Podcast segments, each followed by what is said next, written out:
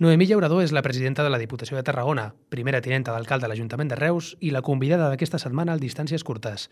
Durant la seva entrevista, Llaurador va donar el seu vistiplau a l'acord dels pressupostos de la Generalitat i va alertar de la possibilitat d'incórrer en una indemnització amb diners públics respecte al projecte Hard Rock. Sobre el projecte de reaprofitament del preventori de la Sabinosa, la presidenta explica que primer arribarà l'adequació del camí de ronda amb la rebassada i en clau de política reusenca, la també primera tinenta d'alcalde assegura sentir-se molt còmoda dins de l'àmbit local. La satisfacció de poder ajudar el dia a dia de les reusenques i dels reusencs i en l'àmbit de la Diputació de Tarragona, doncs de la gent que vivim en aquestes comarques eh, és una satisfacció perquè dius, he contribuït amb el meu granet de sorra a millorar una miqueta la, la vida de, de la gent amb qui comparteixo la, la vida. No? Llaurador també ha assegurat estar molt contenta amb la situació actual de Reus en termes de mobilitat i ha detallat que la Diputació busca una nova seu definitiva a Tortosa.